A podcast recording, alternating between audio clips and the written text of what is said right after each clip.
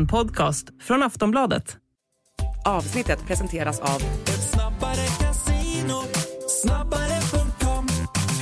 Stödlinjen.se, åldersgräns 18 år.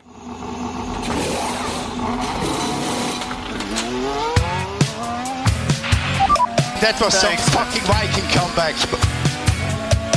Debris uh, behind. There's something strange with the engine. I need a new tent after that. What the? What the? Yeah, what is this tractor? What is this tractor on track? Suck my balls, man. Get my claps and steering wheel. Steering wheel. Claps and steering wheel here. Hej och välkomna till Plattan i mattan där vi idag har en eh, rolig gäst framför oss på våran skärm, eh, du och jag, Anna Andersson. Eller hur, så här i vinteruppehållet när vi, eh, när vi suktar efter all typ av racing.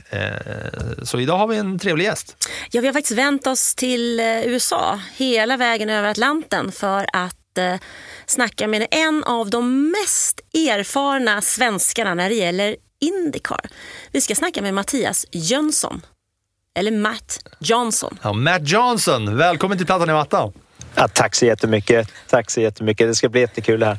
Och då är det så här att vi har ju under tidigare eh, avsnitt så har vi pratat med mycket, vi har pratat med förare, tidigare förare och vi har pratat med lite mekaniker och sådär inom Formel 1 och folk som har jobbat lite vid sidan av. Men här har vi då eh, framför oss en som nu är team chefsmekaniker. Vad, vad blir titeln nu här? Jag, jag Ja, det, så... det är crew chief uh, fortfarande. Har det varit, eh, ja, det blir faktiskt 25 år här nu i år. Så att, eh, ja, det är fortfarande crew chief.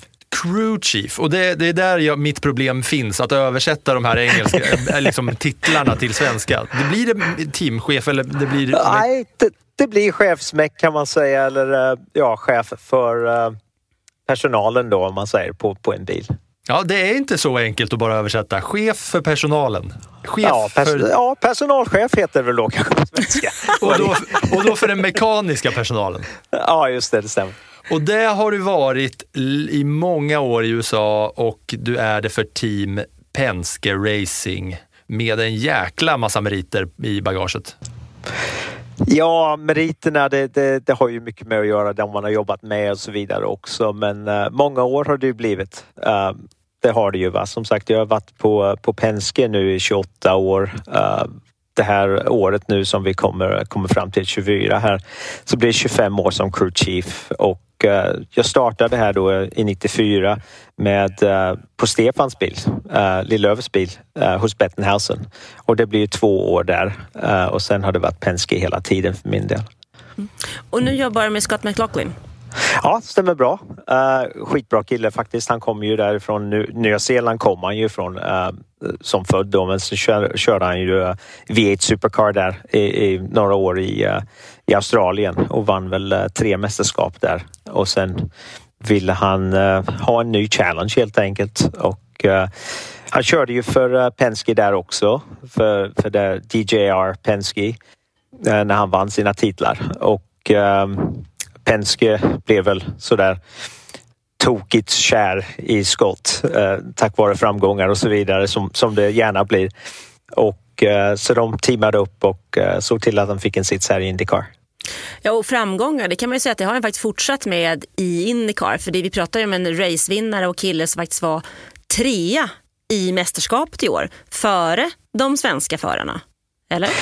Ja, han, han är väldigt imponerande måste man säga. Man, man får ju jämföra honom lite grann med, för, för de som har tittat på Indycar, så nu sista året här så körde ju inte Jimmy, Jimmy Johnson, men som vann då sju mästerskap i Nascar här borta.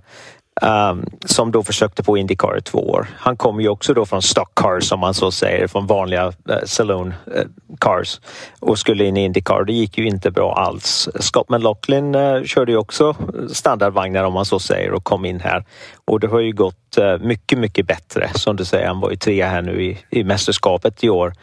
Um, så att, och det var ju hans tredje år då i serien. Så att eh, jag, tror eh, talang tror jag inte saknas där och likadant så dedikation till, till att det ska gå bra eh, finns ju där också. Så att, jag tycker det är väldigt imponerande faktiskt. Jag vill reda ut här nu först innan vi bara tar oss vidare. För att vi är ju en Formel 1-podd som många gånger sneglar mot Indycar. Där vi har lite specialare här då och då. Så jag tänker att en del av våra lyssnare de har ju full koll på eh, allt som har med Indycar att göra. Men en del eh, har kanske lite mindre koll. Och då tänker jag bara att vi ska liksom så här. Team Penske är, ju- kan ju vara ett namn som man har, man har hört. Men för att placera Penske, det är väl ett typ näst, eller ja, största, näst största, tredje största teamet i historien, eller? I Indycar Series. Ja, det är väl största i Indycar Series får man väl säga. Um, och till och med på världskartan får man väl säga att de, de ja, som sagt, är ju, är ju väldigt långt framme vad det gäller eh, statistik och så vidare. Trots att han ju vunnit, eh, ja, nu, nu är det ju inte F1 uh, Eh, mästerskap som har vunnit, men han vann ju faktiskt ett race i F1 på 70-talet med sin egna bil.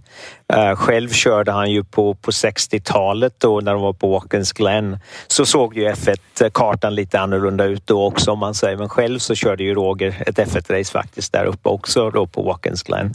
Det, det är ju mer Um. grejer vi måste reda ut här. Penske, Okej. är all, Penske är alltså då ett team idag som är uppkallat då efter grundaren Roger blir det då, eller hur? Ja, det stämmer. Inte ja. Roger, som jag tänker nej, det, ja. Roger Penske, det är ett bra namn ändå. Ja, Men, ja, ja. men då är det ett team som är uppkallat efter honom och han byggde egna bilar redan från början, körde F1 och nu har ett av de största Indy-teamen. Ja, plus att han väl äger Indycar Ja, det gör och, han ju nu Indy, sedan några år och tillbaka. Indianapolis Motor Speedway. Ja, stämmer bra det. Sen Så några år tillbaka. det här känns ju som att han är ju typ allt för Indycar. Mästerskap, team och the greatest spectacle of racing. Ja, det, det kan man säga och, och det sträcker ju sig förbi Indycar också. Eh, även att han, han har ju då ett Nascar-team också och de vann ju också mästerskapet här nu i år i, i Nascar med Ryan Blaney. Och eh, faktiskt gjorde ju det i fjol också. Så vi har ju två back-to-back mästerskap där också. Eh, vi kör ju i IMSA så kör vi ju Porsches program både i eh, WEC och eh, i IMSA här borta. Så hela det Porsche-programmet är ju ihop då med eh, Penske Porsche Motorsports som den hybridbilen körs. Så att Sportvagn det- då? det- Ja, sportvagn precis. Men du sa saloon cars också? Ja, ja, det var väl Eller? det jag kallade det. Egentligen standardvagnar. Ja, Det är jag som försöker hänga med i lingot. ja precis. Så man kan reda ut vad, äh, vad som är vad. Men de, de eh, största teamen då är ju, alltså Penske rent så här, eh, vad ska man säga, organisatoriskt måste ju vara eh, störst och sen framgångsrikmässigt så är det väl eh, Penske, Chip Ganassi, Andretti. Andretti kanske. Ja, så får, så, så får man nog säga det. Och titta, tittar man på statistiken på till exempel Indianapolis eh, 500 vinster och så vidare så ligger ju då Team Penske på 19 um, Indy 500 vinster där och jag tror Chip Ganassi tror jag ligger på, på fem eller sex som ligger tvåa då i statistiken vad det gäller den biten. Um, mästerskap så tror jag vi ligger på 18 vad det gäller Team Penske och uh, Ganassi måste väl vara någonstans vid 13-14 i alla fall tror jag. Ja. Tungviktare med andra ord. Men, och Indy 500 har du vunnit också i din roll hos Penske.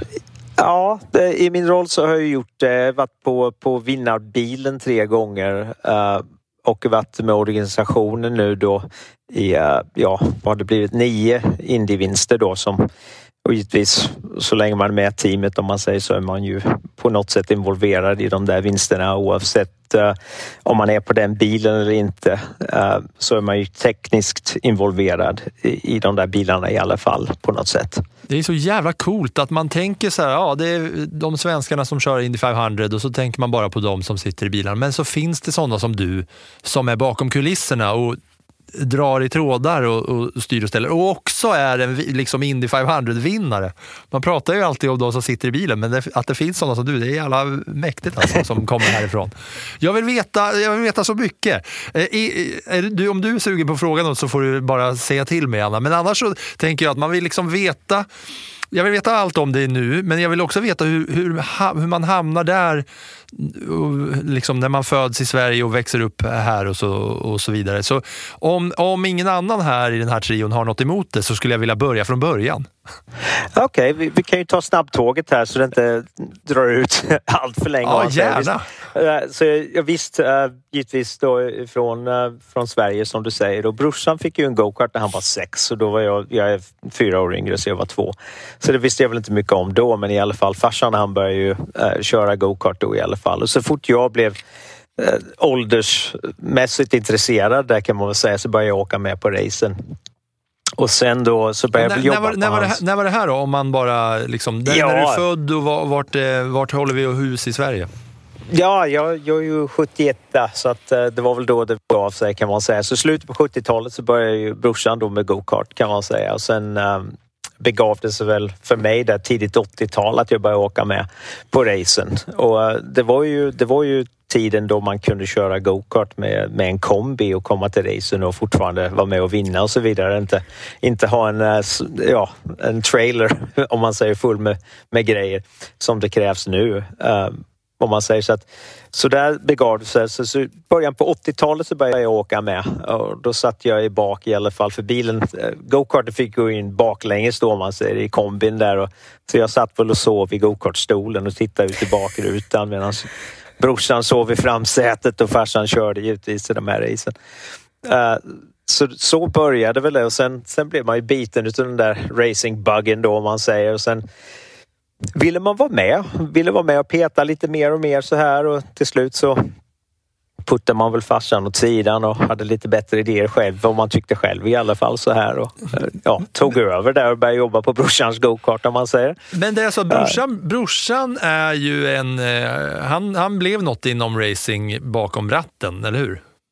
Ja visst, nej, han, han, han blev väl svensk mästare två gånger där i F3 och så vidare. Och det, det gjorde vi ju då ihop för då jobbade jag fortfarande på hans bil. Eh, Körde för du Team någonsin? då. Nej, nej, det gjorde jag inte. Jag, Fan, jag, faktiskt, jag, nej, jag hade egentligen inget intresse av det faktiskt. Och dessutom så visste jag väl också att eh, det skulle inte finnas plats i budgeten för uh, våra föräldrar och att vi båda skulle kunna köra om man säger så att men uh, det har nog fortsatt sådär för mig med, med tekniskt intresse tror jag faktiskt. Jag, jag är ju ingen direkt, nu ska jag här kanske låta lite konstigt, men jag är väl ingen direkt race-fan vad det gäller själva racet sådär utan för min del så har det alltid varit den här nyfikenheten på lösningar och uh, både på att lösa problem själv tekniskt um, och titta på hur andra löser problem hur grejer funkar helt enkelt. Det, det, är väl där som min nyfikenhet kommer in och eh, intresset kommer in från, från den sidan. Men ändå rätt praktiskt. När brorsan kör så meckar, eh, när storbror kör så meckar lillebrorsan. Liksom. Ja, det, det, det, blev väl praktiskt. Det, det var väl så, ja precis. Uh, och sen så började han då Niklas köra F3 och jag följde där och sen gick vi våra enskilda vägar. Brorsan åkte till Asien och körde, uh, jag, jag, vet inte vad det hette där, men Formula någonting i alla fall i, i uh, Indonesien tror jag och Malaysia. Medans um, då i alla fall så, så jobbade jag för Team Ichiban där brorsan körde och vann de här mästerskapen och så vidare. Och uh, de skulle ju då börja köra um, rally istället, skulle ju då ta sig ifrån banracing. Och nu snackar vi 92, 93 här någonstans. Och eh, det var faktiskt 93 var det ja. Då hade de köpt rallybilar istället och Stig Blomqvist skulle köra den här Ford Escort eh, Cosworthen då. Uh, som hade köpt hem från England och jag hade väl väldigt, väldigt lite intresse egentligen för rally.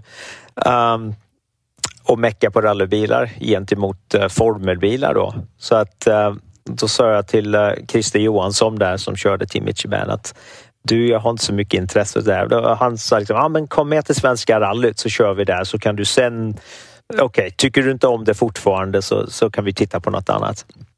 Så jag åkte med till Svenska rallyt och det var ju kallt så det kanske inte var den bästa racet för mig att åka med på heller så därför som en introduktion och försöka göra det uh, intressant. Men uh, i alla fall så uh, Christer och Eh, Hasse Wengstre var ju stor del till att få eh, uh, Lillövers in i F1 på, på hans tid. Så att eh, de kände ju honom väl. Så att Christer kontaktade ju Stefan då han skulle komma hem vid jul i alla fall, eh, 93. Så att eh, Christer satte ju upp ett möte med mig och Stefan i, i shoppen där vi jobbade då.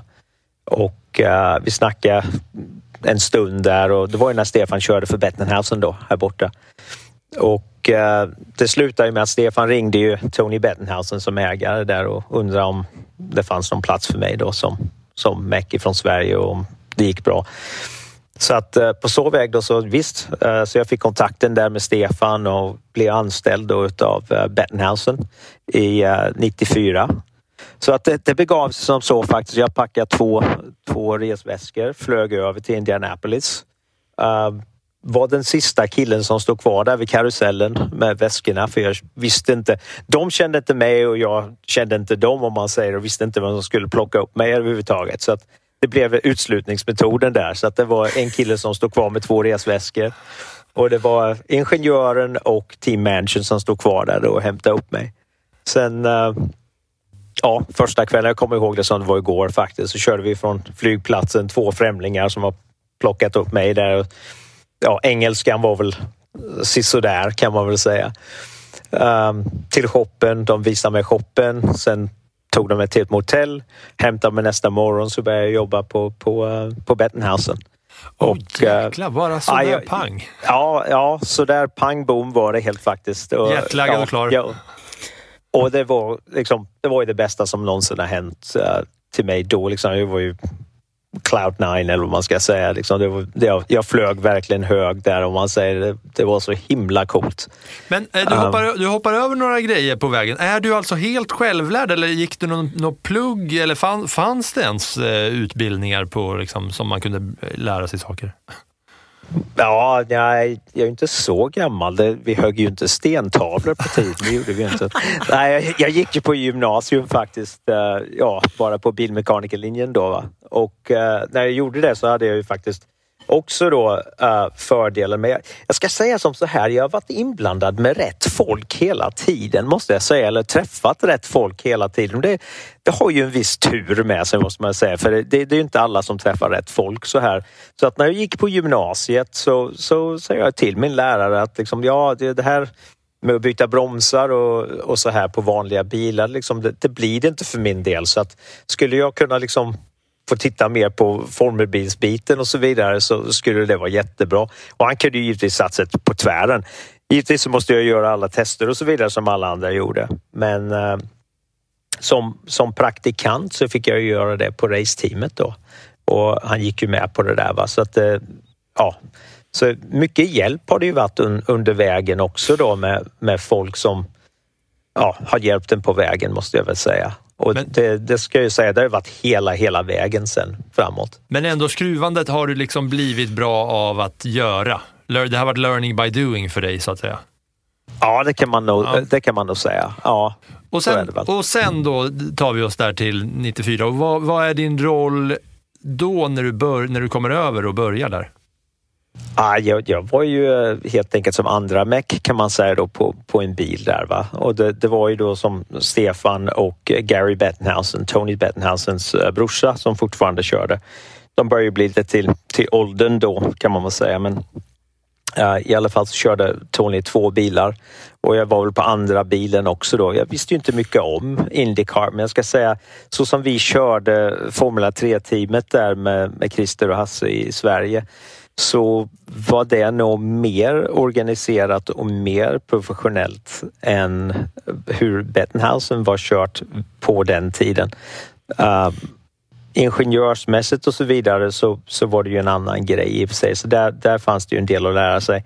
Men organisationsmässigt och så här och ordning och reda och det, det ena och det andra, det tror jag nog nästan var bättre faktiskt på Formel 3-teamet som, som då jag kunde komma som en fräsch injektion till dem istället Mm. för att dela med mig. Så att eh, det tog nog inte så där jättelänge eh, för min del för att eh, expandera eh, mitt ansvar inom teamet.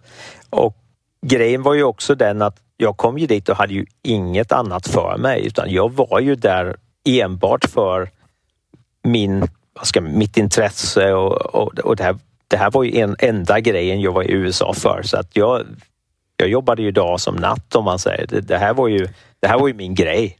Och det, det, det blev väl till fördel för min del givetvis. De fick i stort sett släcka lyset för att få mig att gå hem om man säger.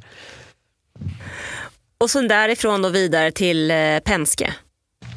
Ja, så, så samma grej där om man säger. Sen, sen vill jag ju då vidare till Penske och vi körde ju eh, ett år gamla Penske-bilar då, konstru, konstruktionsbilar eh, på Bettenhausen. Uh, så jag ville ju då jobba på de nya grejerna och givetvis sen tidigare när jag fortfarande var i Sverige så tittade jag på Indycar-serien liksom F1. Givetvis på söndag, söndag morgon till söndag kvällar och så här.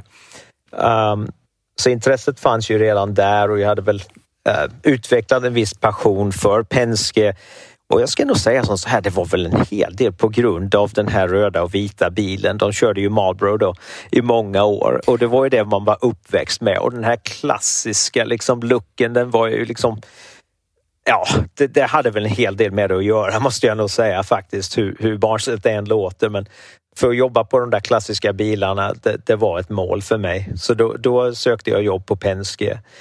Och, det var ju alltså den här bilen, som vi, alltså Marlboro-bilarna som vi pratade om, de var det var ju ja. även i Formel 1. Då för liksom ja. de yngre lyssnarna som vi har så kan det ju kännas rätt sjukt att Formel 1 och racing bestod ju i princip av liksom SIG och spritnamn eh, överallt. Och Marlboro-bilen mm. såg ju ut som ett Marlboro-paket. Den var ju vit ja. och sen röd med som en liten, eh, ja, liten vass kant där. Ja, precis. precis. Uh, och den, den bestod ju från, ja, från så länge jag minns kan man väl säga. Ja, och det var ju McLaren-bilarna som du säger från början där i F1 och så vidare och sen då Penske fick kontraktet här i, i USA i uh, Ja, vad var det? eh, 90 faktiskt började han köra med, med Marlboro då. Tidigare så var det Pat Patrick som körde det här.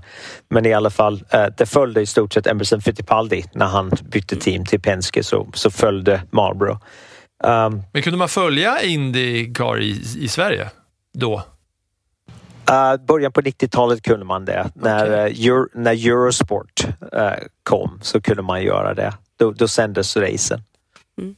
Faktiskt. Så att, uh, nej, det, det, så, så på så sätt så, så tog jag mig i alla fall och där så på min resumé i alla fall så, så gick jag ju in till Tony också då, Tony Bettenhausen och sa att du, jag vill börja jobba på Penske istället. Liksom så här. Så att går det bra om jag sätter dig på min resumé? Och han sa, ja visst, visst, alla gånger liksom har de att ringa så, så pratar med dem också om man säger så här. Så att, skitschysst givetvis och inte vara självisk nog och försöka ha kvar mig. Så sa han ju också liksom som så här att Visst, är, är det så att det inte går vägen så vill jag gärna ha kvar dig. och så vidare. Så vi, vi hade ju faktiskt blivit väldigt bra polare också, jag och Tony då som, som teamägare där. Så att på så sätt så kom jag in, uh, faktiskt jag och några polare skulle ta Finlandsfärjan Uh, som, ja, som ni alla vet vad det innebär uh, i nej, Sverige. Nej, vad innebär, vad innebär nej, nej, okej, okay, du har aldrig varit där. Nej, jag förstår. Ja, ja precis. Det var, ja, jag var väl 24, 23, 24 där i alla fall. Så fick jag precis innan vi skulle gå på båten så fick jag faktiskt ett telefonsamtal där som då var att eh, de, hade, eh, ja, de ville anställa mig på Penske, så då, det blir ju riktigt...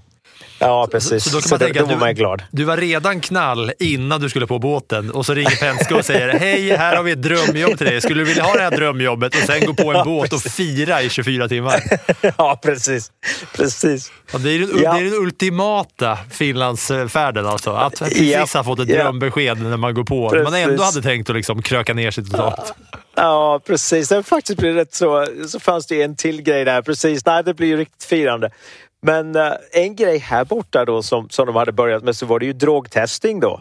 Liksom, för att få ett jobb här så måste du då visa att du är ren om man säger. Det, det, liksom, alla gör det här mm. som, som en process när du ansöker jobb. Så ja, visst så här. Och det, var ju, det hade ju ingen liksom, någon aning om i Sverige så att jag, jag fick ju då lägga in om försöka få den här drogtesten i Sverige och försöka förklara det här för sjuksköterskan som jag skulle då att göra ett drogtest. Hon frågade liksom vilka droger jag är på om man säger för de skulle testa mig om jag var ren eller inte.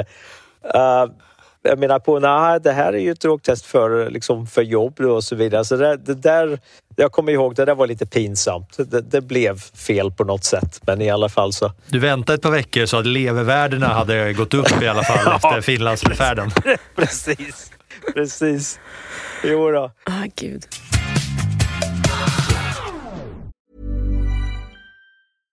Hej, I'm Ryan Reynolds. At Mint Mobile, we like to do the opposite of what Big Wireless does. They charge you a lot, we charge you a little. So naturally, when they announced they'd be raising their prices due to inflation, we decided to deflate our prices due to not hating you. That's right. We're cutting the price of Mint Unlimited from $30 a month to just $15 a month.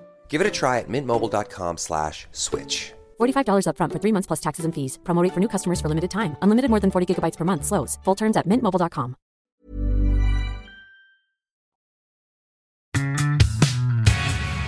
Men det är, ändå, det är ändå rätt häftigt för då kliver du in där i början av, eller mitten av 90-talet eh, och i, en, i, en sven, i ett svenskt perspektiv så är ju det här då ungefär i samma veva som eh, Kenny Bräck är stor där borta. Så att Indycar får ju ett, en plats i det svenska folkets medvetande så att säga här 90-talet. Eh, mm. Ungefär. Märker man det där borta eller märker du också att Indycar kliver upp som en större serie? Vad ska man säga, just, just då i 90-talet där så, så var ju eh, serien i sig själv var ju, så klättrade ju upp väldigt högt uh, gentemot F1. Och det började ju då i popularitet kan man säga i början på 90-talet att, att det började Eh, ja, till exempel då som, som en chefsingenjör som ni känner till namnet på, Adrian Newey. Han, han jobbade ju här först med, med, eller inte först ska jag inte säga, men han jobbade på March först tror jag, eh, som konstruktör och sen jobbade han ju då för Rahal i några år som, som ingenjör innan han då hamnade tillbaks i F1. Och eh, det var väl där precis i början på, på 90-talet som, som det där begav sig. Eh, slutet på 80-talet, början på 90-talet. Och sen då så blev ju serien väldigt stor. Jag tror Kenny vann väl ehm, Indy 500, var det 98 han vann? Nu kan inte min statistik, men jag tror det var 98 som, som Kenny vann. Och det var ju då när vi var splittrade i, uh, i IRL då, Indy Racing League och CART, uh, eh, Champ Car. Och eh, vid den tiden, då, och tyvärr så hände ju den där splittringen då 96 kan man säga. Och då blev det ju, 96 så körde ju båda serien samma bilar för då hade det inte Indy Racing League hade inte konstruerat sina egna bilar eller gjort sitt egna koncept än. Ehm, um, Medan kartserien då var ju väldigt mycket pengar involverat. Eh, likadant som bilmärken var ju då involverade i och eh, utveckla motorer. Så det hade ju blivit väldigt likt F1 vid den tiden och tekniken klättrade ju fram uh, för att ta sig ikapp kan man säga F1-tekniken då och uh, tekniskt sett. Generellt så kan man säga att Indycar i början på 90-talet, slutet på 80-talet var väl sådär en sju, åtta år bakom F1 teknologimässigt och det var väl lite grann med flit också på både kostnader och regler och så vidare. Och jag ska väl säga, vi är väl tillbaks där idag också att vi ligger ungefär mellan fem och sex år bakom. Men när det gällde när man kom upp mot eh, 99 2000 med kartbilarna framför allt så började ju faktiskt F1 i stort sett känna sig eh, hotade mot populariteten mot eh, eh, kart och så vidare och Indycar då. För att teknologin hade ju blivit eh, så pass lika och eh, man får nog säga som så att våra race, om man säger som så, var ju mer intressanta att titta på kan man nog titta på, eller säga att det var mer entertainment mm. i alla fall att titta på en, en F1 var. Och eh, Kenny givetvis boostade ju Indycar i Sverige något fruktansvärt. Som sagt, vi hade ju redan sänt race i alla fall i fem år så där innan Kenny kom hit. Uh, och det var väl mycket pengamässigt varför Kenny kom hit istället för F1 kan man väl säga. För jag menar, han var ju talangfull nog att köra i F1, fullt eh, kapabel till det. Det var väl egentligen pengar egentligen som inte kom ihop där mm. för honom. Um, och uh, det blev inte helt fel att han körde här heller givetvis. Han hade ju en lång karriär sen. Så efter han vann uh, uh, mästerskapet och Indy 500 där, så, så var han ju på kartan här också då. Um, men det som är intressant här lite grann tycker jag, det är att här pratar vi då om Indycar eller, eller Chapcar som en, som en, eller kart som en, en konkurrent till F1. När vi nu kliver in i så som det ser ut idag Mm. Eh, så har vi ju många svenskar i Indycar som gör att det finns ett intresse. Men vi har också många F1-fans som försöker titta på Indycar men kanske inte riktigt känner att de hittar rätt. I alla fall min erfarenhet av eh, när jag pratar eller diskuterar eller får reaktioner från de människor som faktiskt hänger hos oss på bloggar och poddar så man får liksom reaktioner ifrån dem. Och då undrar jag om du skulle jämföra de här två serierna idag. Var, var ligger Indycar i förhållande till F1 och vilka glasögon måste man ta på sig som F1-fan eh, för att uppskatta Indycar? Mm. Ja, det är en jättebra fråga faktiskt eh, och jag kan väl bara ge mitt perspektiv eh, givetvis på det här och det, det är kanske inte alla som har samma åsikt. Uh, vad jag tycker i alla fall, F1 är ju ingen snack om att de har högre teknologi. jag tycker som ett mästerskap så är det ju ett, ett helt sant um, ett Constructors World Championship. Alltså det, det, det är ju Eh, ja, de som gör bilarnas mästerskap. Jag tycker inte det är något förarvärldsmästerskap egentligen så sett. För att sitter du i fel bil så har du ju ingen chans. Och Marcus är ju en stor testamentet till det tror jag. Um, vad det gäller den biten.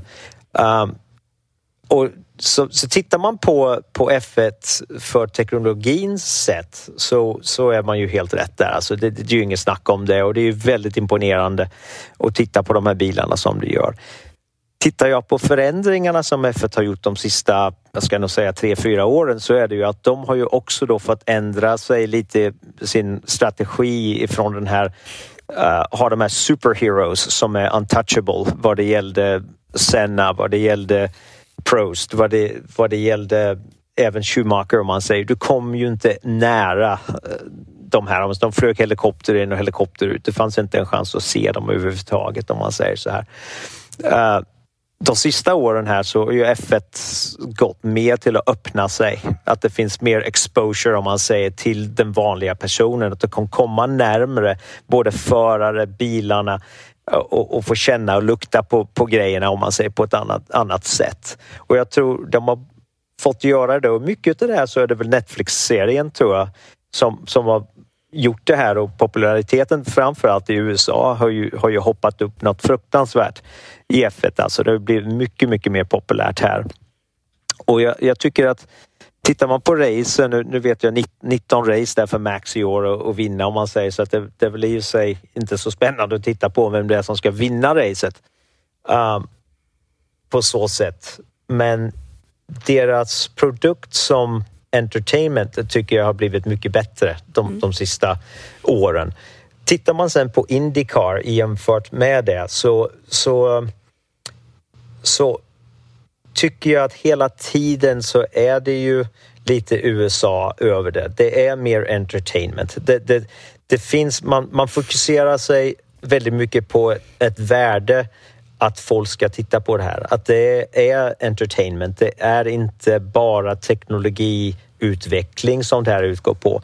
Så att på något sätt så ligger vi väl som sagt tidigare där någon, sex till åtta år bakom F1 vad det gäller teknologin. Men det är ju regelmässigt som vi gör det och med flit.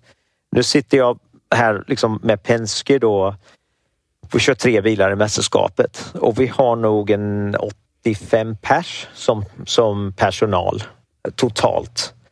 Uh, med ingenjörer och hela köret. Tittar du på F1, nu konstruerar inte vi våra egna bil längre heller. Va? Eh, och så vidare, utan du köper ju då en produkt och sen bearbetar den produkten. Så alla kör ju samma chassi och sen har du då Honda eller Cheva-motorer. Och motorerna i sig själv, liksom, vi får ju köra 2500 miles per motor så du får fyra motorer utan, utan penalty per år. Uh, för att dra tillbaka kostnad och så vidare. Och det är mycket av det där som man tittar på faktiskt. Kostnad uh, gentemot entertainment value. Eh, kan man säga i, i, eh, i Indycar idag. Och jag tycker produkten som, som tas fram just från just den här för att titta på racen så tycker jag att racen är väldigt spännande. Du vet i stort sett inte vem som ska vinna racet innan något race. Du har dina favoriter som du sa som, som team. Du har Andretti, du har Penske, du har Ganassi och så vidare som, och McLaren givetvis som, som har kommit upp här de sista åren.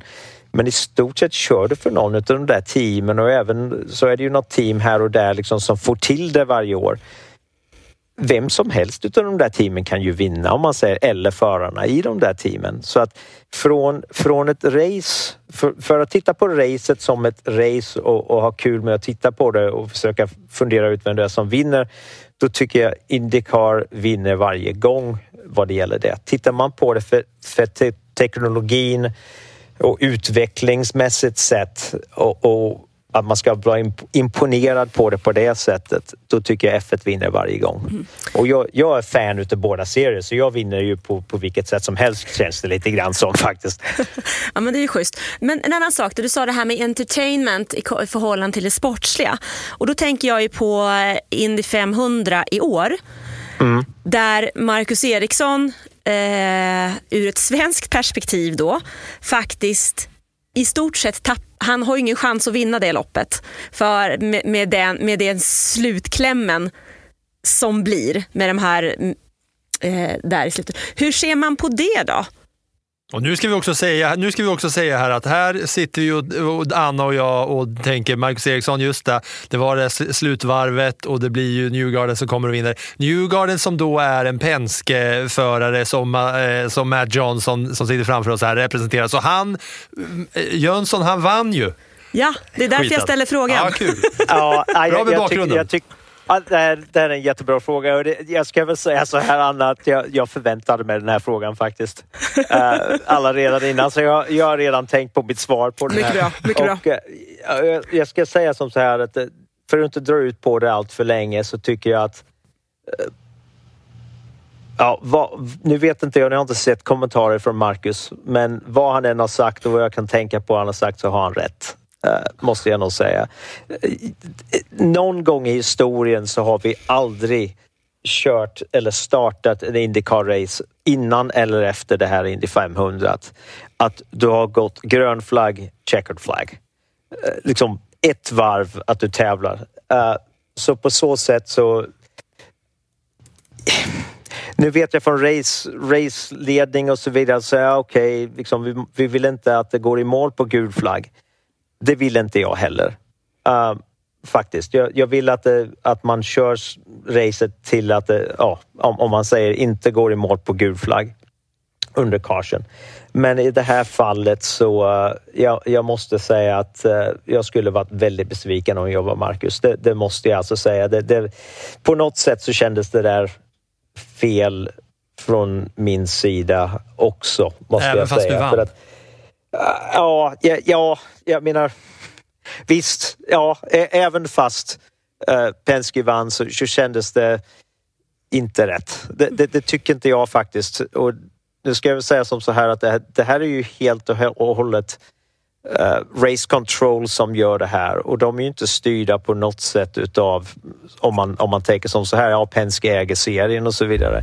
Jag ska, jag ska säga som så här att tyvärr så så ser inte jag Roger tillräckligt mer nu längre för han, han har ju uh, tagit sig bort ifrån teamet helt enkelt sen han tog över uh, ägandeskapet. Då. Och samma sak så har han anställt då folk som Race Control som, som är independent och kör det här. Och han, jag ska säga som så här att Roger hade inget med det där att göra eller, eller Penske överhuvudtaget utan det där var ju raceledningen eh, själv och jag måste faktiskt kritisera det beslutet att, att starta och komma i mål på samma varv. Mm. Uh, jag, tyck, jag tycker själv att det var hade det funnits en historia på att, att så där gör vi i Indycar, det, det, då är jag okej okay med det. Att det här är enda racet, både liksom på Indy 500, det enda racet som det har gjorts. Och vi har inte gjort det sen heller på något annat race, på något mindre race. Uh, så tycker att det kändes lite fel på något sätt. Nu tillbaks eh, också till där att, att Marcus inte hade chans att vinna det och jag ska säga han satt inte i vinnarpositionen. Uh, som, som du sa där, liksom, när han sitter som ledare på den restarten. Borde man inte kunna få känner... välja då? Förlåt att jag eh, hoppar in där. Alltså, Nej. man borde ju fan, om man är där, alltså Marcus vet, han är fucked. Ja. Det är kört. Ja, han leder. Han ja. bara, jaha, det är kört. Ja. Borde man inte Ja. då som ledare få så här, ja, du får välja nu. Vill du starta etta? Vill du starta tvåa? Vill du starta trea? Man, att man får den fördelen menar du? Ja, att någon fördel måste man ju ha för att leda och inte ha nackdelen. Inte, alltså Marcus var ju fruktansvärt eh, besviken efteråt och tyckte ju att det var orättvist och att eh, det till och med var farligt eh, att göra så som man gjorde där. Eh, alltså jag, jag, var också, jag, jag, var också förbannad efteråt och tänkte, Ja. jag kände mig nästan alltså, blåst på konfekten för ett så här gammalt. Ja. Alltså, på något sätt så kändes det som att, vad fasen, så här ska det ju inte få ta slut. Hur, Hur skulle man gjort då? hur var det? Ja, okej. Ja, den, sa den först. Ja, det, det, det fanns en chans faktiskt att eh, göra rödflaggen två varv tidigare. För vi, vi gick ju faktiskt gul flagg två varv tidigare. Och hade man hoppat på och gjort en röd flagg direkt så hade det ju faktiskt blivit tre varv till slut att köra till, till eh, målet. Och det liksom, ä, även två varv tycker jag nog man hade grejat det där. Eh, för då har man chans att passera igen om man säger. Och eh, men ja, nej, nej jag, jag håller med Anna. Jag håller med. Det, det, det där, jag var ingen fan på, på, på hur det slutade heller. Det enda jag kan säga som var positivt med det, det var väl att fansen fick se uh, att det inte slutade under gul flagg utan att det blev action. Så att från, från att sitta i grandstanden så kanske det var jävligt spännande om man inte hade någon slags connection till någon utav förarna om man säger eller höll på någon av dem. Så visst var det spännande att sitta där kanske och titta på det. Men från Marcus perspektiv och som jag som jobbar i serien och vet hur mycket det går in på. Du vinner ju inte på chanstagning om man säger och det, det är ju fruktansvärt mycket jobb som går in på det här och vi, vi är där liksom i tre veckor och tränar och testar och tidskörningar och, och du försöker få allting perfekt och rätt och varenda pitstop och det är fuel calculations och strategies och så vidare. Och så kommer det ner till det till slutet så tycker jag nog att det där var fel. Vad tyckte du om min idé då med att man, om det skulle bli liknande läge, att man får välja som etta? Jag, jag tror man väljer att starta först där i alla fall faktiskt. Jaha. Ja. Det, det, det, det skulle vara svårt att ge upp ledningen med ett varv kvar. För skulle det där gå snett för dig, uh, att du blir passerad istället ner till tredje plats Ja. när, du, när du sitter med ledningen och säg att tre, den som sitter trea i ledet där får bättre slipstream på dig, att du, du tappar en position till så, så tror jag du ser lite värre ut än om du behåller ledningen och blir passerad för ledningen faktiskt. Hur, hur var det där då när ni vann, alltså på det där sättet? Nu, nu är ju du, chefar ju du över den andra bilen, men det är ändå ditt Ja. team och, och, sådär.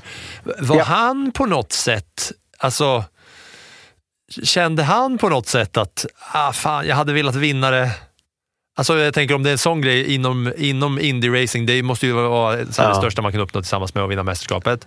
Att när man väl vinner, att det blev på det här sättet. Fattar ni vad jag menar? Ja, Jag, jag förstår precis vad du menar och, och frågan. Uh, jag har lite svårt att fråga den för jag tror det är en personlig känsla så det, så det där är väl lite Ja, lite svårt för mig att säga om man säger hur, hur Newgarden kände sig vad det gällde den där liksom, som, som, han, som han firade så såg det ju inte ut som som att det fanns någon uh, ja, ångest om man så Nej, säger. han flög ut genom Så den där lilla, utan- lilla luckan där ute i publiken och allt det där. Ja. Ja, just det. Ja, precis. Så att eh, jag tror... eh, ja, han kände för sig som en, som en hjälte istället, tror jag. Eh, för, för, från mitt perspektiv där jag såg hur han eh, firade, om man säger. Och det, eh, ja, Jag vill, hänga kvar, jag vill hänga kvar lite till. Det var några grejer som jag studsade på när du pratade om eh, Indycar versus F1. Att ni är ju limiterade. Det är ju det här eh, som man då, som, om man kollar Formel 1, kanske inte är liksom helt eh, liksom, eh, bevandrad med. Att man Mm. är limiterad till två motorleverantörer. Det är Honda och det är Chevrolet. Ja. Och sen är det liksom, eh, så bygger man runt ut, utöver det. Liksom. Eh, och ni är lim- just att ni är limiterade, att ni har liksom, ja, men det, är, att det är tak liksom på vad man får göra. Hur, med teknologin och kunskapen och allt som ni har, om ni, var fri, om ni fick liksom fria tyglar med saker och ting, skulle man kunna då utmana eh, i racefart, Formel 1-gänget på något sätt? Alltså, ja, ni, ni skulle kunna vara eh, snabbare det- än vad ni är nu. Liksom. Ja, verkligen uh, skulle vi kunna göra det och då, då kommer det ju egentligen ner till, till en budget eh, kan man säga. Um, det är väl egentligen det det handlar om för jag menar teknologin som F1 utvecklar och kör med idag. Uh, vi har ju tillgång till samma teknologi uh, här utan det är ju det är ju egentligen mer drivet utav en budget. Uh, så att du skulle ju givetvis få färre bilar. Det finns ju, jag menar, F1 är ju ett, ett världsmästerskap medan tittar man på Indycar så är det ju trots allt en nationell serie här. Uh, och jag menar, vi, vi spenderar ju en hel del pengar oavsett. Det ska man säga som så här, det är ju som i racing generellt. Den budgeten du har, den spenderar du ju oavsett om du sätter regler i vägen så spenderar du på något annat sätt istället. Som i Indycar så har vi ju uh, våra dämpare är ju fria på, på utväxling fortfarande. Äh, så här. Nu, nu kan du inte ha microchips och så vidare i dem. Uh, men i övrigt så är dämparna fri design så vi gör ju våra egna och så gör ju alla andra team också så där läggs ju en hel del pengar. Uh, likadant på vindtunneltester så våra regler uh, i stort sett säger ju vilka bitar du kan bulta på bilen om man säger och sådana här grejer. Men sen finns det ju, um, så säg till ett downforce-nummer, så säg till exempel 5000 pounds downforce, det, det är det vi skjuter för på det här racet. Då, då kan du göra olika kombinationer för att ta det till den där 5000 pounds. Och vissa kombinationer är mer, är mer effektiva än andra. Med, med andra ord kan man säga den, den, det ena sättet att ta sig till 5000 pounds downforce kanske har mer luftmotstånd än det andra sättet. Och du letar hela tiden efter det där och, och ju mer späck som de här bilarna blir då som, som i Indycar, alla kör samma och alla får bulta på samma grejer. Ju finare blir de där marginalerna eh, att, du, att du sätter dit rätt grejer på bilen om man säger och hittar rätt kombination. Så att vi spenderar ju väldigt, väldigt mycket tid både i vindtunnlar och mycket faktiskt på och testar på, på flygplatser uh, och kör då och, och mäter luftmotstånd med olika kombinationer med samma uh, mål på downforce kan man säga så här. Uh, men nu kanske, nu kanske jag drar iväg lite grann härifrån ifrån din originella fråga där i alla fall. Men vad, vad det gäller, eh, skulle vi kunna köra lika fort som F1? Det, det skulle vi om, om reglerna var där så att vi skulle kunna få göra det. Men då skulle också budgetarna eh, och personal och så vidare. Som sagt, vi, vi sitter med 80-85 pers idag för att köra tre bilar här. F1 sitter väl då med, med typ 500. Tittar jag på Nascar här borta som, som, som, en, som en jämförbarhet här som, som du säger, vad det gäller budget, det är, det är ju också en nationell serie, men du har mycket mer pengar som kommer in i serien för den är så himla poppis här borta. Så att vi sitter ju idag med ungefär 430 pers som jobbar på våra Nascar, på, på Nascar-biten på Penske. Så att, ja, så det, det är ju budgetdrivet där. Va? För vi är ju ett då Ford-team eh, för, i Nascar och det kommer alltså in väldigt mycket pengar ifrån Ford. Um, för det, det, det är ett väldigt stor promotional tool här, eh, Nascar. Det är stor, stora eh, siffror som tittar på, på Nascar här borta. Så det, det är drivet utav budget kan man säga. Så visst, det är faktiskt väldigt många eh, ingenjörer och så vidare som kommer, uh, aerodynamicists och så vidare som kommer från F1 till Nascar och jobbar i Nascar för att utveckla det där och så vidare. Så att det, det är faktiskt ett större utbyte där än vad man skulle kunna tänka sig för att Eh, och det är som sagt, det, det är ju pengadrivet i stort sett. Allt det där. Va? Så att, En annan fundering som jag har när det gäller just F1 mot eh, Indycar, det är ju när man tittar, tittar på Indycar, jag ser väl kanske inte alla Indycar-lopp under en säsong, men väldigt många. Det är ju depåstoppen. Ja. Ibland så känns det som att i F1 är ju ett depåstopp så slimmat och perfekt in i minsta detalj. Från träning till vilken gubbe som lyfter mutterbestolen eller eh, domkraften.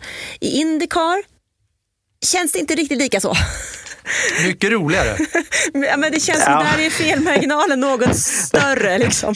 Och the wild, inte... wild west. Ja, men lite så. precis. Ja, ja, jo, eh, mycket det där, det, det kommer ju faktiskt ner till personal där du har. Som, som tittar du på ett Indycar-stopp så får vi ha sex personer eh, som, som medverkar i stoppet. Jag tror F1 har 19 eller 20 pers som medverkar i det här stoppet. Så att därför då så minskar du ju din personliga process du har att gå igenom under den tiden. Som i Indycar till exempel så, så eh, den, den andra biten där, F1 använder ju då quick jacks som vi kallar det för. De har ju inte inbyggda för att bilen ska vara lättare och så vidare. I Indycar så har vi ju då eh, pneumatiska eller luftcylindrar som är inbyggda i bilen. Så att eh, när du sätter då lufttryck i bak på bilen så hoppar ju bilen upp av sig självt. Det sitter ju då fyra cylindrar i bilen så att två är fram, två är bak. Så lyfts bilen både fram och bak när du gör det. Så det är en kille. Eh, sen då så, så givetvis så tankar ju vi bilarna. Vilket är så Ah. jävla roligt. Jag önskar att tankningen kom tillbaka till Formel 1. Samma här faktiskt. Jag saknar det där lite Ja. grann. Um, så i alla fall så, så tankar vi och det, det är ju en kille som, som gör det också då. Va? Och sen har du en kille per hjul eller per däck då. Och den, den som byter höger bak, nu får inte vi ha bommar heller som, som F1 har, där, där slangarna och så vidare går upp över bilen och ut till utsidan. Det är också då en, en regel som, det får inte vi ha och det är lite grann för entertainment där också att killen då som, bygger hö, som byter höger bak måste ju springa ut efter bilen har kommit förbi han. Så att man inte då, för att kör du över en slang så är det också penalty på det som du säkert har sett och så vidare. Medan också då den som byter utsidan fram måste ju då kasta sin eh, ja, muttdragare om man så säger med slang tillbaks till eh, pitwallen innan bilen kör iväg. Så att um, i F1 så har du ju en kille då som står redo med däcket som går på. Du har en kille som står redo att plocka bort däcket som kommer av och så har du en kille som sitter med mutterdragaren som inte flyttar på sig överhuvudtaget. Och det, det är ju då på varje uh, hörn om man säger som det där pågår. Så har du en kille i fram som lyfter bilen, en i bak som, som lyfter bilen.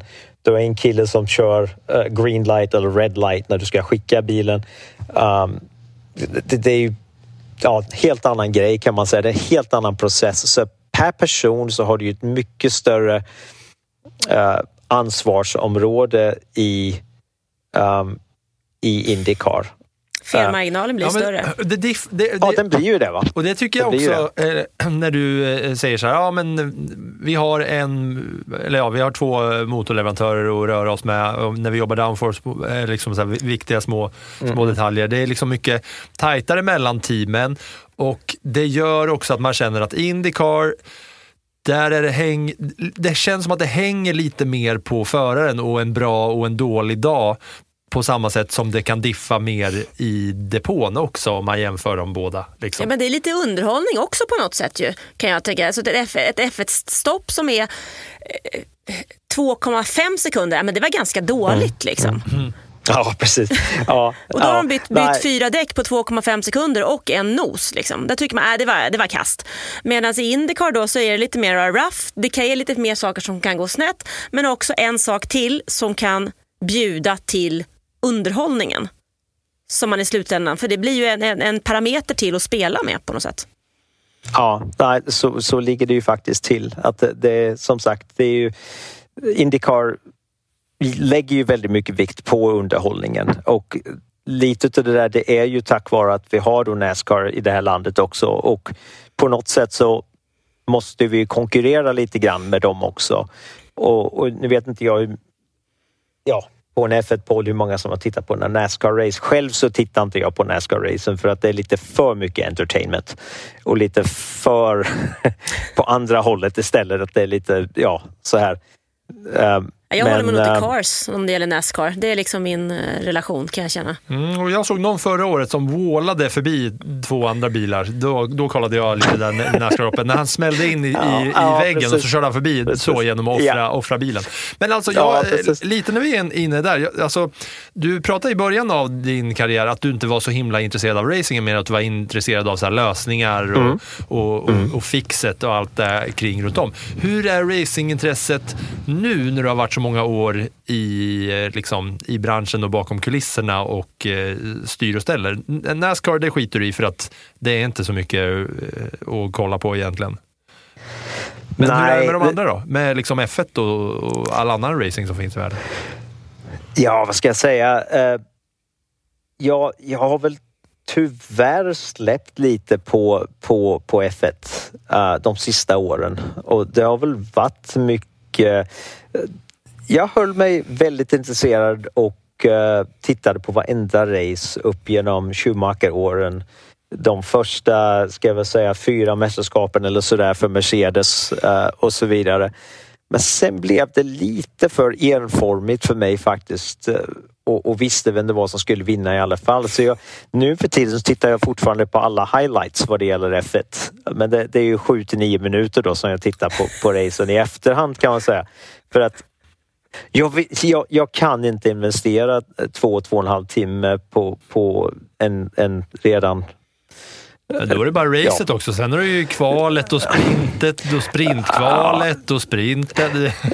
Ja, nej, det, det, där, det där tycker jag faktiskt de har gjort bra i alla fall, det här med sprinten. För det tittar jag på highlighten på den också faktiskt, det, det måste jag säga. För det, det är, men eh, ja, de, de börjar ju få tillbaka racen lite grann, det tycker jag. Eh, tittar, man, tittar man på andra plats och bakåt nu i år så, så har det ju trots allt varit lite intressant. Det, Ja. det måste jag säga. Och det får ju mig titta på F1 och bli lite mer intresserad på F1 igen. Men, Um, men det här är liksom en grej som jag tänker en hel del på. Jag har ju inte kollat på mer Indycar än att jag har kollat de senaste åren sedan jag började med den här podden, kollat på Indy 500 och sen något mer race när Marcus eller Felix eh, är, är heta sådär. Och sen att jag växte upp eh, under Kenny Bräck-åren liksom, som sportintresserad rent allmänt. Men om man tittar på det nu, nu, är det ju, nu gör ju jag en Formel 1-podd här, så det är ju konstigt att jag ska liksom skjuta, skjuta ner Formel 1. Men om man bara tittar som svensk och rent ur ett underhållningsperspektiv så har man, precis som du säger, den här säsongen så har det allt varit avgjort. Eh, man vet hur det ska gå. Vi har, i Indycar har vi massor med svenskar. Och man kollar på racen och så bara, ja men här är kul. Det är från ena veckan så är det något annat. Det är olika typer av banor, det är olika typer av race. Det är massa team som är involverade. Det är mer hula baloo och action i depåstoppen och det händer mer grejer. Det är liksom massa saker och ting runt om som också är, som också är kul och intressant. Men ändå är det så många som ändå kollar på Formel 1.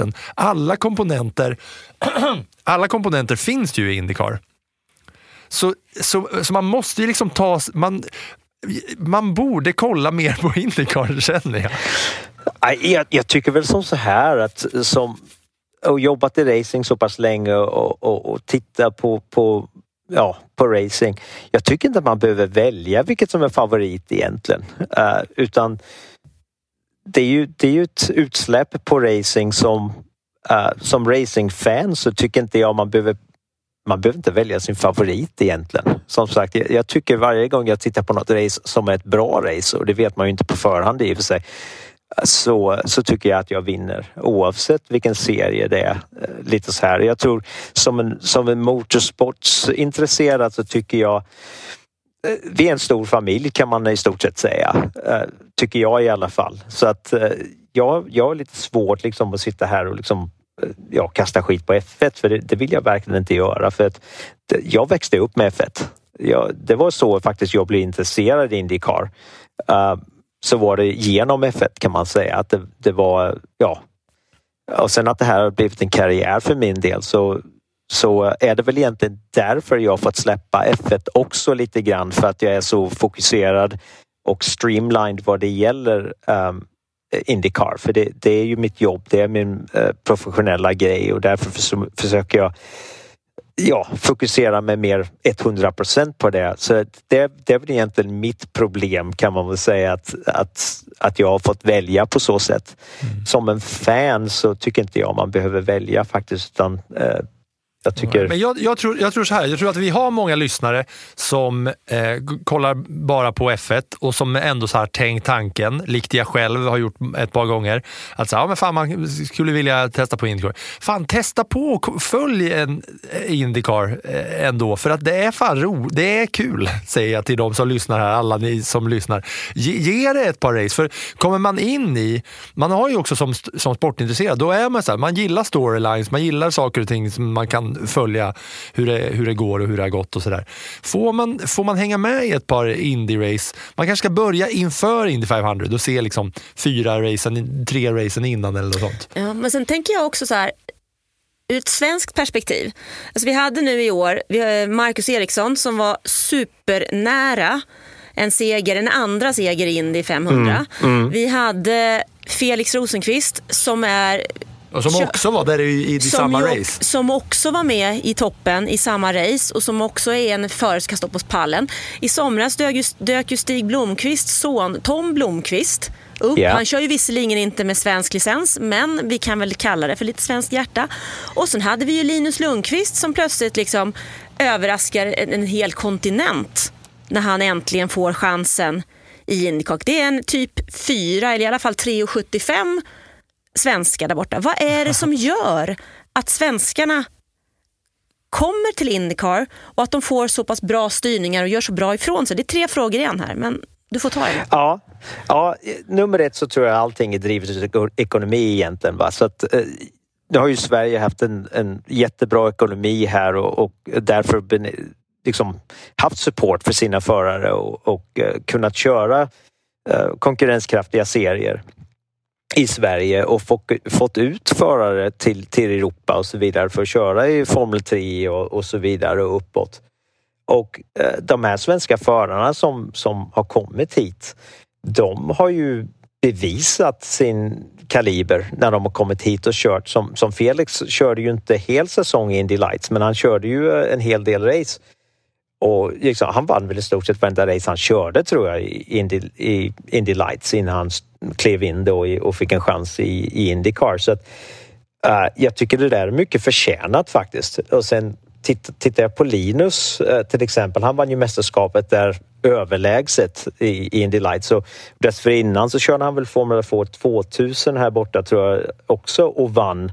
Eh, kom från ingenstans och i stort sett eh, liksom överraskade alla i varenda serie han har kört här borta.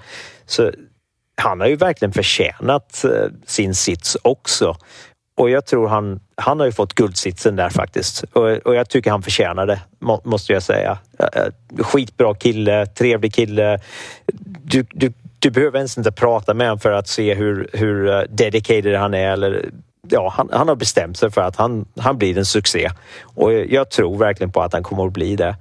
Um, Marcus, uh, ja, resultaten där visar ju och pratar ju för sig själv om man säger. Nu, nu tror jag tyvärr, måste jag säga, ifrån mitt perspektiv, om inte um, Andretti får någon revolutionerande uh, uppvakning här under, under den här vintern så tror jag att det här blir en lektion för Marcus att se skillnaden på teamen här borta. Mm hur, hur bra teamen är.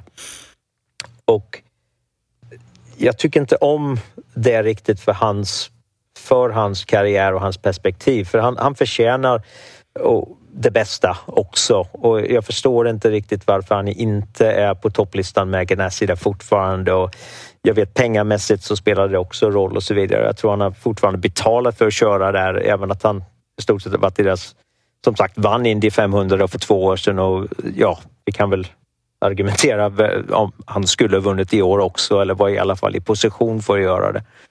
Så att eh, det är väl, det är väl perspektivet jag har på det. Så jag, svenskarna har förtjänat det helt enkelt. Det, är inget snack om det. De, har fått chansen att komma ut tack vare en bra ekonomi i Sverige tror jag och, och haft support ifrån svenska företag och så vidare.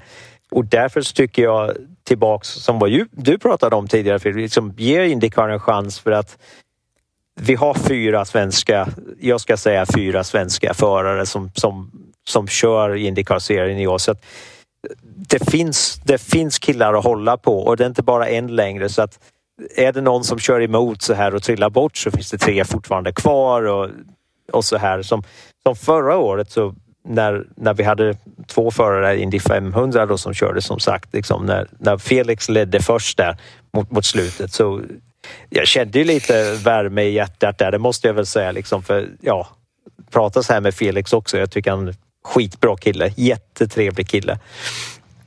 Och eh, jag är väl lite konfunderad över varför inte han har haft bättre resultat överallt i mästerskap och så vidare. För att snabb är han ju. Det är ju i stort sett bara stabiliteten där som har, fattat, eh, som har fattats egentligen för honom mm. om jag tittar på det. Och det, det behöver ju inte...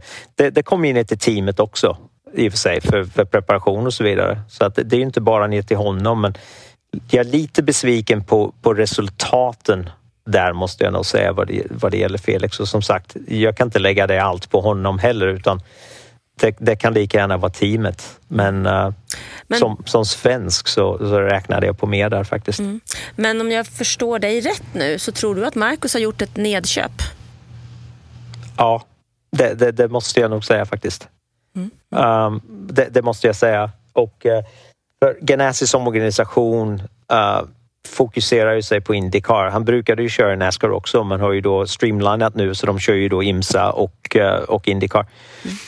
Och, eh, så jag, jag, tror de har toppat teamet lite grann för att då vara, ha succé i Indycar. Jag menar nu i år så var de etta och tvåa i mästerskapet. Som sagt knacka på dörren där på Indy 500. Hade, hade, hade Marcus vunnit Indy 500 också så hade ju de vunnit allt serien hade att erbjuda nu i år. Mm. Uh, kan man säga. Så de, de, det är ett bra team och eh, tack och lov så har vi ju en svensk där och jag, jag tror han kommer plocka upp det här riktigt, riktigt fort eh, vad det gäller. Han har alltså data och Dartfish och det ena och att titta på vad det gäller både Paludo som är serie, seriemästare och Dixon som kan säga har all erfarenhet, all erfarenhet i världen på de här banorna som vi kör i våran värld. Mm. Sen ska väl Linus jobba med Marcus eh, crew om jag förstod det hela rätt också. Mm, jag tror du har rätt där, ja. Eh, till nästa år och då får han ju den, den hjälpen också så att säga. Men hur, om du tittar på det från andra hållet då, hur eh, har eh, Indycars intresse för svenskarna blivit eller har du märkt någon förändring i inställningen mot svenska förare med tanke på den eh, erfarenheten du har då i Indycar, hur det har förändrats genom åren? Jag ska säga som så här liksom att i racing egentligen så jag, jag tror inte ja, i generellt i racing så är det ju en racingvärld kan man säga. Så jag tror nationalitet tror inte betyder så där jättemycket för, för de flesta utan jag tror det menar mer eller betyder mer för fansen som mm. tittar på Indycar-racen ifrån från uh, utsidan så att säga. Som att jobba i serien eller vara involverad i serien så tror jag man mer tittar på man vill ha den bästa föraren oavsett Eh, och resultaten då som kommer med det oavsett var du är ifrån eller, eller så här. Um, givetvis så, så uh, hjälper det ju när det finns fler utav samma nationalitet. Vi såg väl det här lite grann i F1 också i, liksom på, på 90-talet med massa brasilianare som kom in i F1 och sen Tyskarna. kom hit och så vidare. Så att det blev ju en viss nationalitetspopularitet där också. Liksom. Att då, då, var det ju i stort sett Brasilien eller Sydamerika som blommade i, upp, i, ja, i alla fall i formelbilsvärlden. Och eh, nu givetvis så har vi ju även utanför Sverige, tittar du på Skandinavien så har du väl två danskar också som ska köra nu i år. Liksom. Så det är ju, det är ju sex förare utav utav eh, 26 full, fulltidsbilar som ska köra. Och det, om jag tittar på Skandinavien med, mellan Sverige och Danmark, liksom, tittar du procentuellt mässigt där liksom, så är det ju en väldigt hög procentsats då som kommer från Skandinavien som ska köra i det här mästerskapet uh, jämfört med resten av världen. Ja, och sen har du Kevin i F1 och sen har du Fredrik mm. Westi som är, är i Mercedes uh, organisation på väg upp också, som också är dansk. Hauge. Han är norrman. Ja, och finnarna. Och, mm. ja, men alltså, och, och, och då Alltså jag bara tänker så här med Indycar, om jag ska fortsätta min uh, liksom pitch som jag egentligen inte borde göra. Att på, på samma du, sätt, du bara plogar på här på, på, samma sätt som man liksom följer om man är allmänt sportintresserad eller om man är hockeyintresserad så gillar man att kolla på SHL. Då blir, kan det ju bli så att inkörsporten till att börja kolla på NHL är svenskarna. Att man har någon svensk som går och så börjar ja. man följa det här laget. Alla möjligheter har vi ju som motorracingintresserad intresserad. Att man börjar med F1 och sen så bara, ja just det, motorsport är nice. Ja, då har vi de här svenskarna här. Eh, alla som man kan liksom följa och då kan man ju haka på dem den vägen och sådär. Och sen ska vi också säga att alla de här namnen som vi har nämnt under det här avsnittet, allt ifrån Lillövis, Kenny Bräck, Linus Lundqvist, Marcus Eriksson, Felix Rosenqvist, alla har ju varit med i Plattan i mattan, så man kan ju också gå tillbaks och lyssna på de avsnitten om man inte har hängt med hela vägen. Så kan man också få en ännu mer liten så hjälp till att öppna inkörsporten till och haka på Indycar.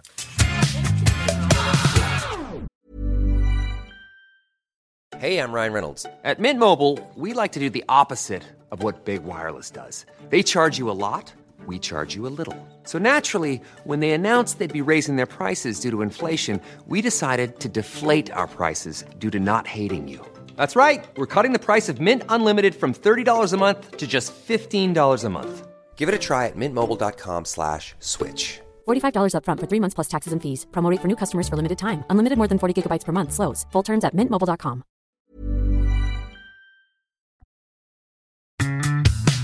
Men du, vad tänker du nu då? Om tänker på nästa år, 2024, som ju också är ett eh, intressant eh, Indycar-år med till och med lite så välgörenhetslopp och sådana saker. Eh, vilka kommer slåss om det mästerskapet? Vad tror du? Vi sitter i och för sig tidigt. Vi har inte sett alla tester än och så vidare. Men du kanske har en så här kamikaze-känsla? Lite kamikaze-tips kanske? ja, precis. Vi får, får, kasta en pil här på tavlan. På, ja. ja. Uh, lite grann av det här kommer ju bero på uh, som vi har sett tidigare, vilken motor har, har gjort bäst utveckling och, och kraftmässigt så har ju både Honda och, och Cheva, de är väldigt jämlika kan man säga.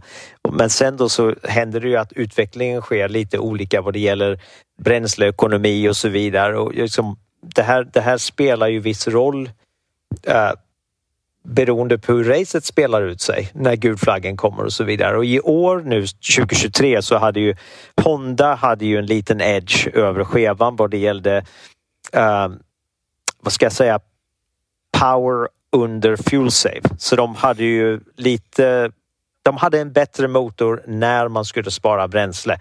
Det räckte längre och de kunde hålla en högre fart genom, eller under tiden de sparade bränsle medan skevan betalade en lite större penalty när man började spara bränsle. Körde vi full fuel och kunde göra det, använda med andra ord 100 100 eh, power jämt med Hondan så tror jag de var väldigt, väldigt jämlika. Så det var en fördel som Hondan hade förra året och det spelade ju en viss roll i vissa race. Jag kan säga till exempel Long Beach förra året så spelade det en stor roll till succén som Honda hade där gentemot Chevan. Uh, givetvis så har vi ju sett det nu i år så nu, nu jobbar givetvis Cheva väldigt hårt på det under, under säsong eller under uh, vintern här för att försöka rätta till det där för oss. Um, nu vet inte vi om vad Honda håller på att jobba på heller. Skulle man utgå ifrån att, att det blir väldigt jämlikt vad det gäller equipment nästa år igen så, så tror jag du får samma players. Eh, du kommer ha Ganassi, du kommer ha Penske, du kommer ha um, McLaren och Andretti. Och uh, mellan Penske och Ganassi så tror jag en av de två teamen kommer ha vinnaren i mästerskapet. Uh, så um, jag vet inte vad jag ska säga. Det beror ju på om Will Power vaknar till här och, och uh, ja, vad, vad, ska jag säga, kan, kan hålla sig fokuserad under hela racen. Då blir han livsfarlig igen. Det, det är inget snack om det. Liksom, han, han, han är ju snabb. Det, det är ju inget snack om det. Utan det, det, han måste ju göra vad han gjorde i 2022 när han vann mästerskapet. Han måste bara ta det lite, lite lugnt och inte bli så hetsig så, så går det, det, där säkert svårt, det jättebra. är väl svårt när man heter Power va? Ja, precis. Och speciellt willpower. Uh, uh, tittar man sen på, på våra andra förare som Newgarden, vad det gäller ovaler så är han, han, är, han är väl en mästare på ovaler, det måste jag säga. Um, tittar jag sen på, på, på Scott så är det hans fjärde år. Uh, och jag tror faktiskt att han kommer ha stor chans. Har, har vi mat materialet så tror jag att vi kommer att vara med och köra om en mästerskapstitel. Uh, tittar jag på Ganassi-förarna så Linus tror jag kommer att vara med och vinna race alla redan i år. Eh, mästerskap, visst det skulle ju vara jättekul men jag tror det är lite över förväntan att han ska kunna gå in där och vinna ett mästerskap första året. Men vinna race, det, det tror jag han kan göra direkt faktiskt. Det tror jag.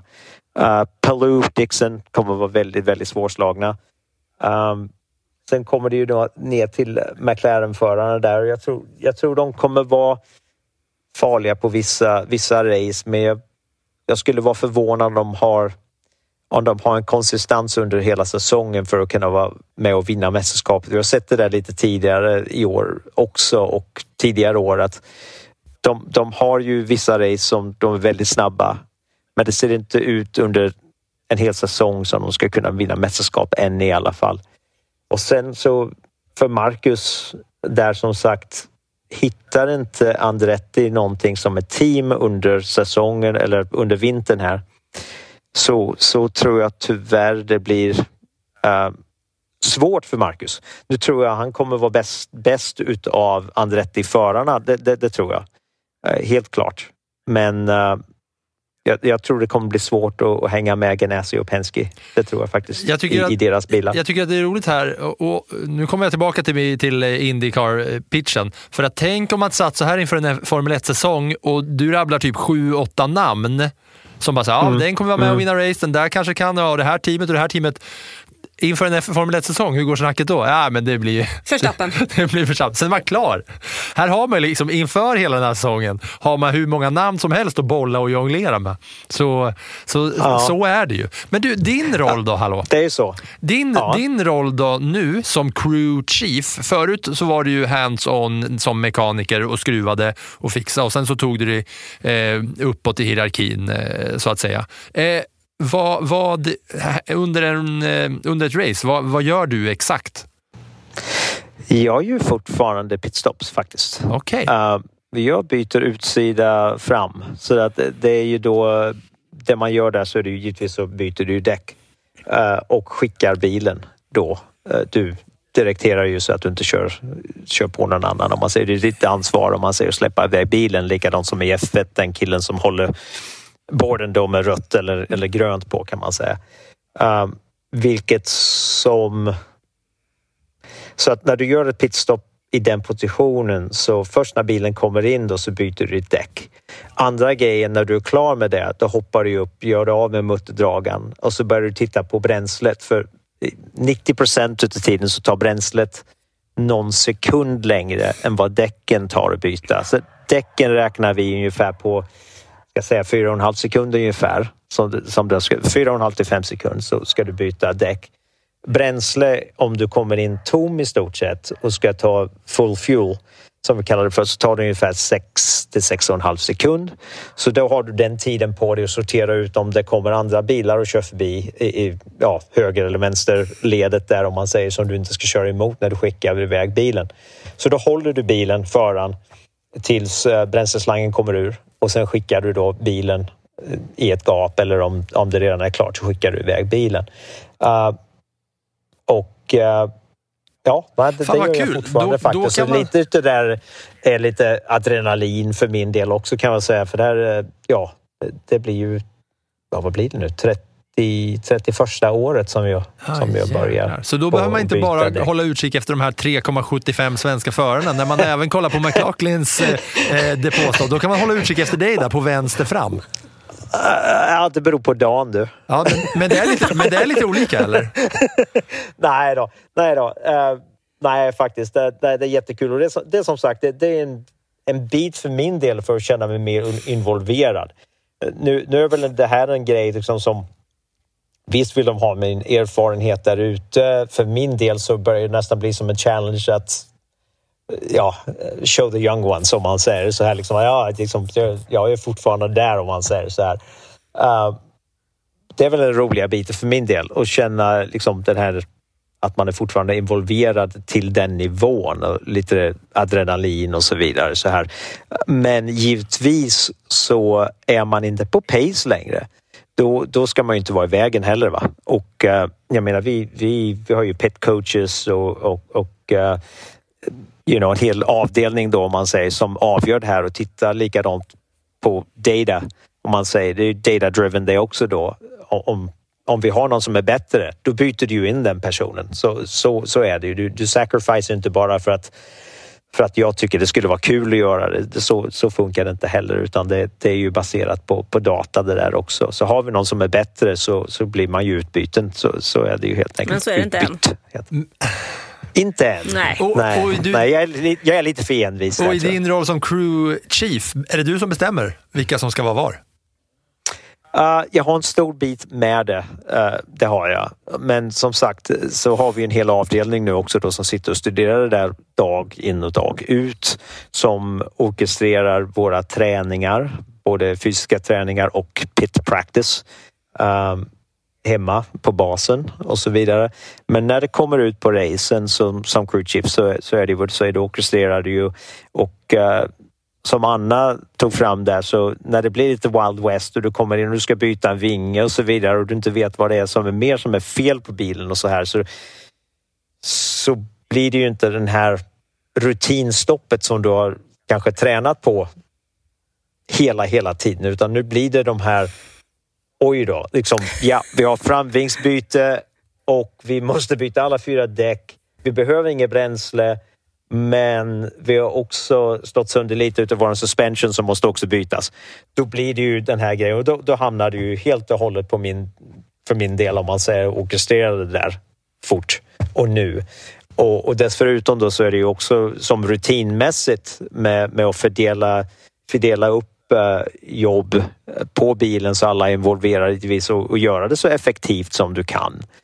Um, både, både emellan racen och på racen och så vidare. Så, så det är som sagt, det är ju personalchef och det, det är ju som, som det du ska ja, fördela och alla måste ju veta vad som är uh, expected. Ja. Men, men, men, du, är du bäst på vänster fram eller är du liksom vä vänster bak, höger bak? Ja, ja, generellt så är det ju egentligen höger fram som, som crewchiefen då byter och det, det är det som, som vi gör. När, när vi kör när vi kör vänstervarv om man säger så blir det höger fram och om pitten är på andra sidan så blir det vänster fram. Men det är alltid eh, utsida fram kan man säga för det är där du direkterar trafiken då om man säger. Så du har, du har alltid på, på vilket, vilket framdäck som är på utsidan som man säger som, som Vet, vet, man det, historiskt sett. vet man det om folk, liksom, om man tar alla mekaniker eller alla liksom, i pit crew, vet man att det är någon som är så här, ja men han i det här teamet, han är så jävla bra på vänster bak.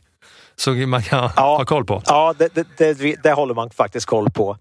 Uh, det finns faktiskt till och med, blir mer och mer vanligt nu att vi flyger in folk för det där.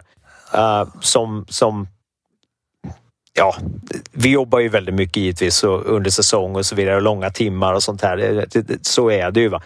Och eh, lite det har väl ändrats. Många vill ju titta lite annat på livskvalitet och så vidare nu för tiden.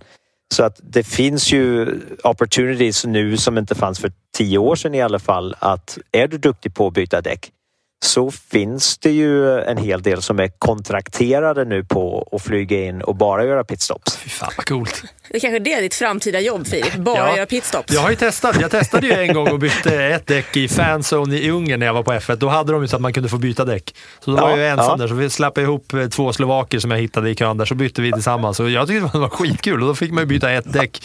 Man liksom, en chans fick man ju. Det har jag tänkt på det där många gånger. Jag skulle vilja göra det igen. Hur många sekunder tog det? Nej, men jag tror vi gjorde på 3,3 eller något sånt. Jag hade tr- trott 13 liksom. Nej, din- nej, nej, för fasen. Ja, men du är så jävla lång. Jag, jag skötte pistolen. Jag är imponerad av er alltså. Efter, jag var det redan innan, men efter att jag Du- gjorde det så. Du, jag, jag, jag vill att du flyger hit. Jag vill, jag vill testa dig faktiskt. Jag, är lång, jag har riktigt långa armar. Så, jag, så jag, jag, liksom, jag är bra. Jag kan ta mig ur vägen snabbt också. Nej, fan vad imponerande om att, att höra allt om, eh, om karriären. Så där. Det är lätt att man sitter och babblar på här eh, när man har det så, så trevligt så som vi har det. Men tiden rinner iväg och du måste ju börja din dag här. För du har gått upp i ottan för att sitta och babbla om racing och Indycar med oss. Eh, Matt Johnson. Har vi någon sista undran här? Eller någon sista undran som vi kan få med? För det känns som att vi kommer gå härifrån och fundera på massa saker ändå som man, som man kommer på här under tiden. Mm. Nej, men jag, det jag funderar lite grann över, hur hittar man fortfarande utmaningar i det jobbet som du har gjort i typ 30 år? Det måste finnas någonting som gör att du fortfarande är så envis och taggad på att hänga kvar. Att du inte funderar över att ja, men F1 kanske, så. sen förstår jag visst barn och så vidare, men det måste finnas någonting som gör att du triggar igång. Ja, det, ja det, det har du ju helt rätt i. Och man, det är ju passionen för, för det jag gör. Alltså det, det, det är ju ett jobb, det är ju en karriär. Men å andra sidan så är det ju också en, en passion och det är väl så det startade om man säger. Och passionen för det finns ju fortfarande kvar. Det, det måste jag säga. Visst, det, det är ju ingen snack om det att, att grejer har förändrats under tiden. Eh, det är ju ingen snack om det. Vad som motivationen från början när jag kom hit det, det, det är väl kanske inte samma motivation nu eller samma grejer som motiverar mig utan det, det där kanske har skiftat lite grann. Uh, det jag ser nu som en viss motivation det är väl egentligen uh, det jag ser som fördel med att ha den erfarenhet jag har och den nivå av pålitlighet om man ska säga så från, från teamledningar och även då från, från Penske och så vidare. Så, så är det väl det att jag känner väl en viss... Um, jag blir väldigt glad när jag kan hjälpa andra, om man säger, till deras, deras mål. Så det, det tycker jag är en viss eh, taggning utav, ut, för mig just nu så är det väl att lära andra och ge opportunities till andra om man så säger. Eh, från början så var det väl mer armbågarna ut och liksom jag ska ta mig fram eh, så långt det går. Nu, eh, nu känns det väl mer som så att min, min stora roll så är det väl egentligen liksom titta på vem det är, vem det är som ska vara nästa kille om man så säger och försöka liksom ge dem en opportunity. Och det tycker jag ju som, som coach, om man säger så, vare sig det var livscoach eller just i det här om man säger liksom ta, ta de yngre under sin vinge om man säger och, och som, som är intresserade av det här och som har ett visst intresse.